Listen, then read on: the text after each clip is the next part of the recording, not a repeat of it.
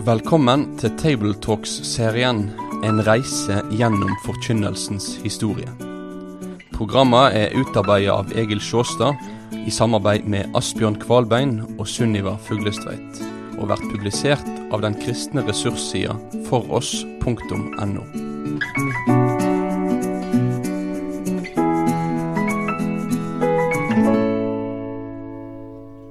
Ja, høymiddelalderens mystiske prekentype er da den tredje prekentypen vi kan finne gjennom middelalderen.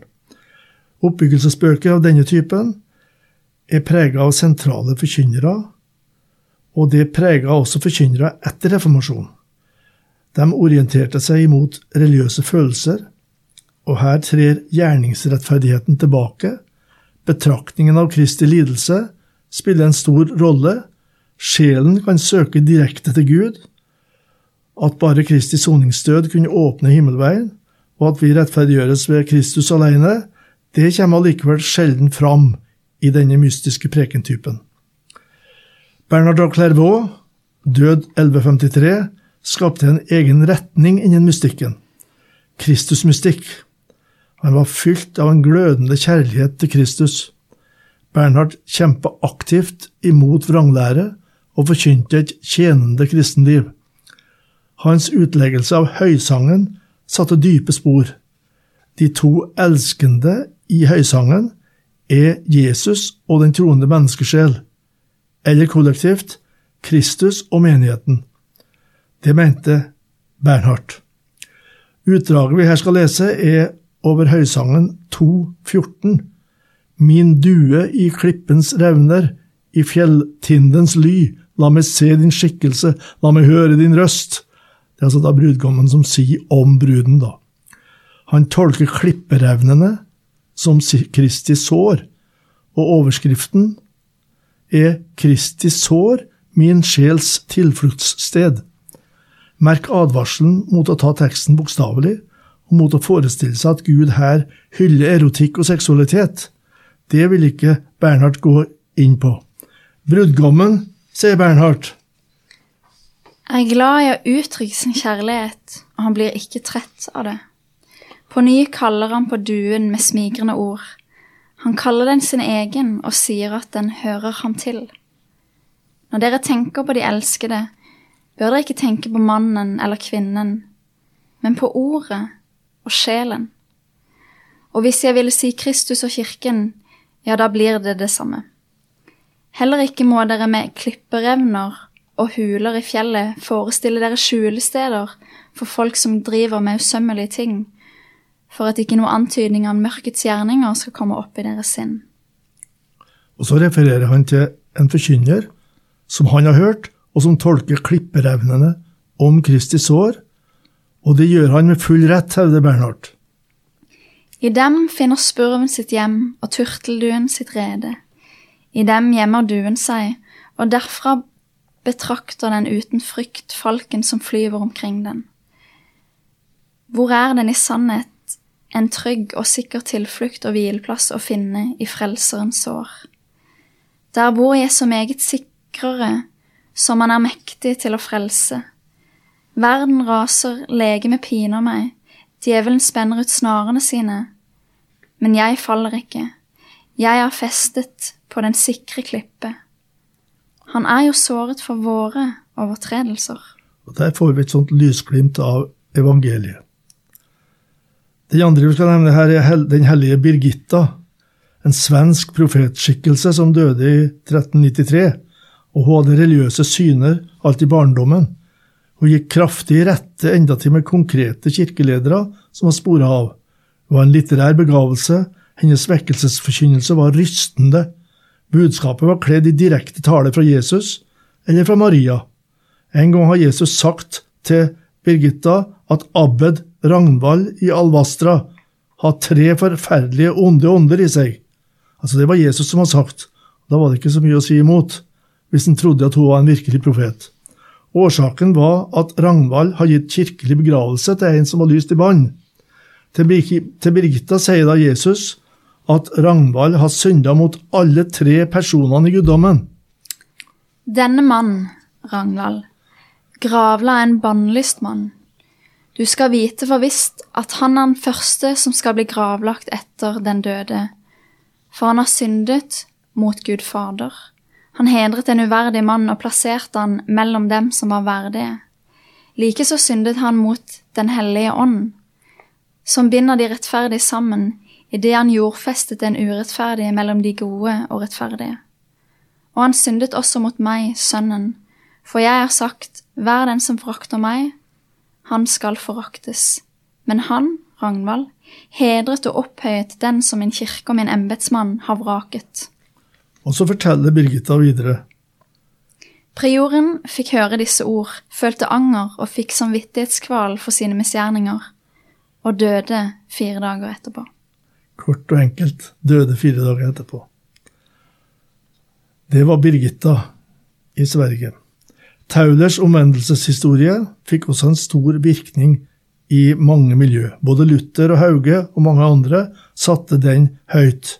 Johan Tauler døde i 1361, kom til en personlig kristen erkjennelse ved en lekmann som hjalp han å betrakte Kristi lidelse.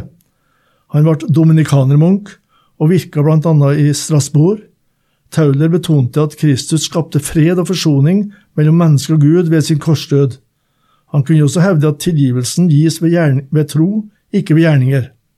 Men så dukket det opp da mystikkens forestillinger parallelt med dette her, og de var sterke hos Tauler. Enkelttrekk i hans forkynnelse avspeiler en panteistisk forståelse, at Gud er i alt, og at menneskesjelen i utgangspunktet er guddommelig.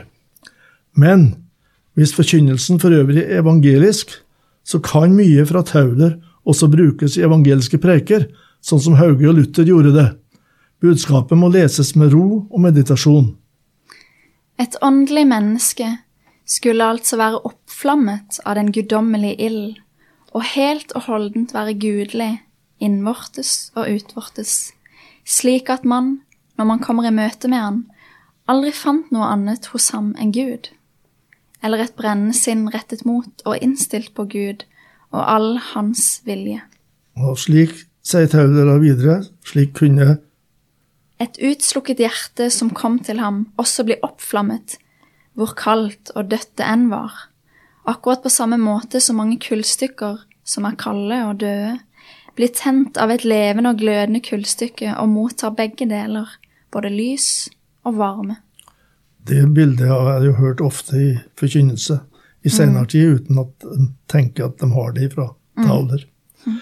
Thomas A. Kempis, død 1471, skrev den mest utbredte andagsboka i senmiddelalderen om Kristi etterfølgelse. Han representerte en ny retning innen mystikken, med større vekt på Bibelen og kirkefedrene, og med en inderlig fordypelse i Jesu liv og lidelse. Kristi kors står i en forstand i sentrum, og teksten løper fram i en poetisk form. Skriftet er ikke noe oppgjør med katolsk troslære. Her er både gjerningsrettferdighet, skjærskild, katolsk embetstenkning osv. Men for den som har en paulinsk rettferdiggjørelseslære i bunn, så har også dette skriftet gitt mye for evangelisk forkynnelse. Nå skal vi gjøre et sprang til England. John Wycliffe, 1324 1384. Han er kalt reformasjonens morgenstjerne. Det er liksom innevarsler noe nytt, da.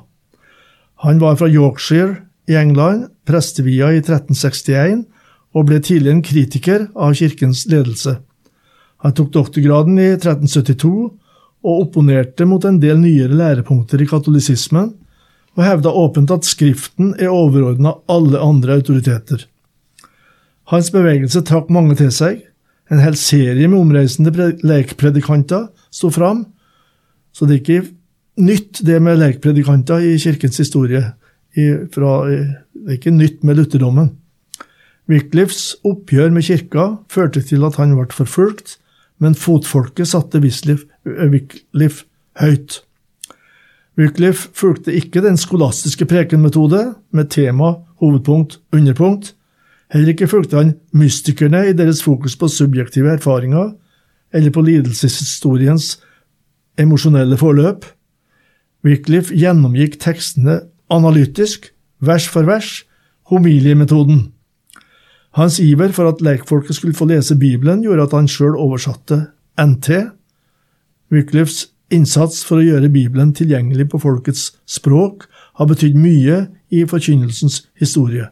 Bevegelser som Wycliffe Bible Translators, nå samordna med Wycliffe Global Association, minner oss på Wycliffes betydning. Wycliffianismen fikk senere betydning for Johan Hus i Bøhmen, og via Hus for Martin Luther. Ikke minst vekten på tekstutleggende forkynnelse satte dype spor. La oss til slutt her i denne runden nevne homiletiske hjelpemidler. For det fantes mye som prestene kunne benytte seg av. Når de hadde lite utdanning og lite forutsetninger, så kunne homiletiske hjelpemidler være en god hjelp for prestene. Vi har nevnt skriftespeiler, men også fabler og helgenlegender forelå til bruk på prekestolene. Her kommer en løvefabel. Du må lese det, Synnøve. Mm -hmm. Hos løven er det tre karakteristiske trekk som forteller noe om Kristus. Når den går i skogen og aner at jegerne er ute etter den, sletter den sporene sine med halen. På tilsvarende måte slettet Jesus sporene av sin himmelske herlighet da han ble menneske for at fiendene ikke skulle se at han var Guds sønn. Når løven sover, våker dens øyne, og slik heter det om Kristus i høysangen, Jeg sov, men mitt hjerte våkte. Når løvinnen føder, er løveungen som død, men hun bevarer den hos seg til den tredje dagen. Da kommer Faderen og Ånden over den, og den blir levende. Ja, det siste det er interessant å se hvordan det skjer i praksis. Ja. Helgener og martyrer som hadde opplevd noe fantastisk, spilte en stor rolle i mye av denne litteraturen. Vi kan tenke oss at vi sitter i ei kirke i Europa og hører preike om å hjelpe tiggere. Da Martin av Torus var ung soldat i den romerske hær, møtte han en vinterdag ved byporten i byen Amien en naken tigger. Han tok et sverd, delte kappen sin med dette sverdet og ga tiggeren den ene halvdelen, mens han dekket seg selv med den andre. Om natten så han i en drøm Jesus stå kledt i den delen av kappen som han hadde gitt til tiggeren, og Jesus sa til engelen, Martin, den ennå udøpte, har kledd meg i denne kappen. Og han ble etterpå døpt og ble biskop, og senere helgenkåret, Martin av Thor. La oss tenke oss følgende historie brukt i en norsk preke i oppgjøret med de gamle gudene Thor og Odin. Dagen dette skjer, er en av kirkens helgenfester til minne om nettopp Martin av Thor. Som biskop ville Martin at et furutre som var innviet til djevelen, skulle hogges ned. Beboerne satte seg imot det, de fryktet represalier fra djevelen.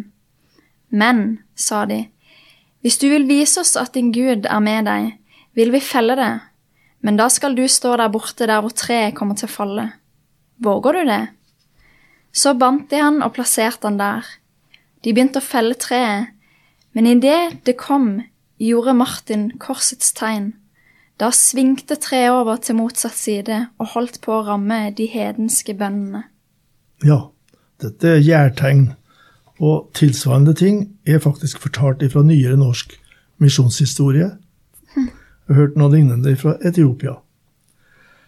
Men fantasifulle legender om helgener og om jomfru Maria fungerte naturligvis også som underholdning.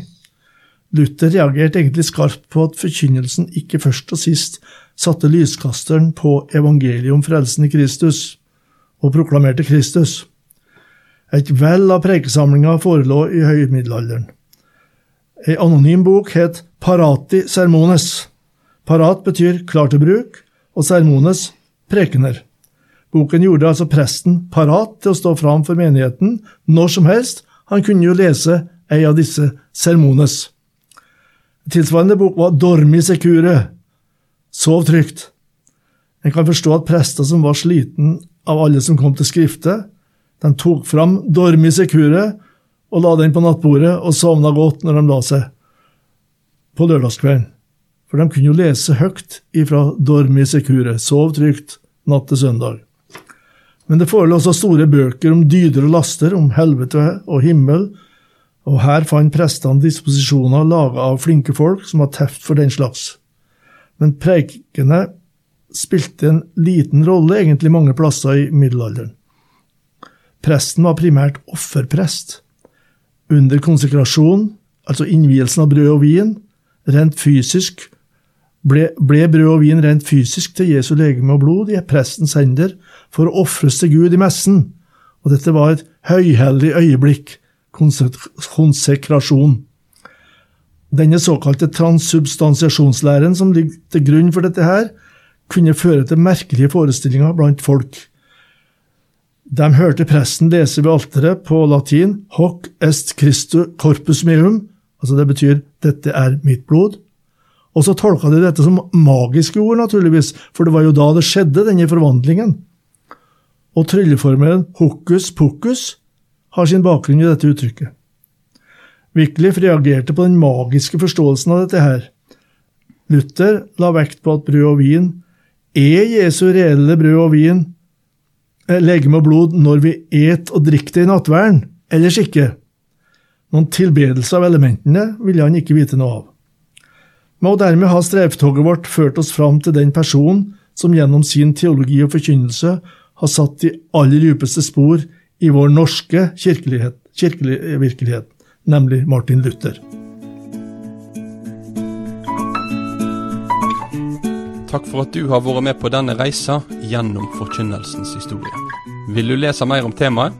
Da kan du kontakte oss på postalfakrøllfoross.no for å bestille denne serien i bokform. Besøk òg gjerne foross.no for å finne flere aktuelle ressurser.